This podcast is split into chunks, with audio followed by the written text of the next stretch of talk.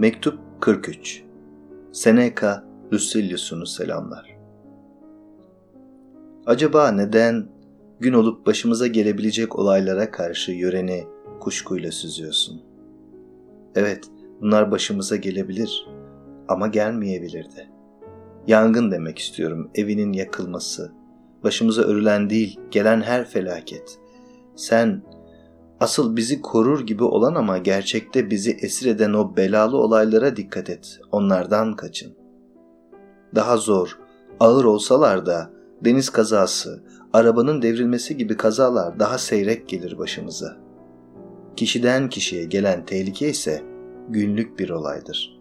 Kendini bu tehlikeden kurtar. Olanca dikkatinle göz kulak ol bunlara. Hiçbir felaket bundan daha sık, daha inatçı, aldatıcı değildir. Fırtınalar patlamadan önce daha tehdit edicidir. Yapılar çökmeden çatırtılar duyulur. Duman yangının habercisidir. Ne var ki bir kişiden gelen zarar ansızın bastırır insanı ve ne kadar yakınımızdaysa o kadar ustalıkla gizlenmiştir.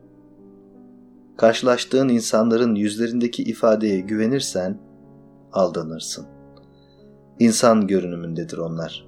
Ruhları da vahşi bir hayvanın ruhudur. İlk karşılaşmada zararlı değillerse sana, yanından geçip gitmişlerse vahşi hayvanlar, peşine düşmezler bir daha senin. Onları zarar vermeye iten yalnızca zorunluluktur. Çarpışmaya açlıkla ya da korkuyla zorlanırlar. İnsan insanı yok etmekten zevk duyar. Bir kişiden tehlike gelebileceğini düşünerek insanlık görevinin ne olduğunu düşün. Bir kişiden incinmemenin, bir kişiyi incitmemenin yollarına bak. Herkesin mutluluğundan sevinç duy, kederiyle kederlen.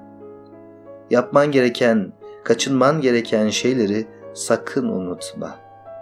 Böyle yaşamakla ne mi elde edeceksin? Sana zarar vermemelerini değil de seni aldatmamalarını. Elinden geldiğince de felsefeye sığın. O seni korur bağrında. Onun kutsal sığınağında ya güvenli ya da hiç olmazsa daha güvenli olacaksın. Aynı yolun yolcusu olanlar birbirlerine çarpmazlar. Ama neden felsefeyle de böbürlenmemen gerektiğini diyeyim sana. Felsefeyi küstahça, şişine şişine uyguladıkları için birçoklarının başına çok tehlike gelmiştir.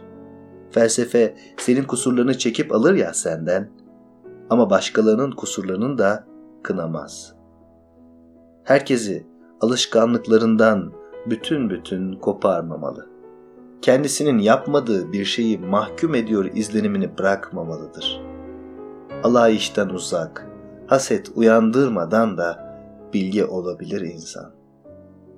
Sağlıkla kal.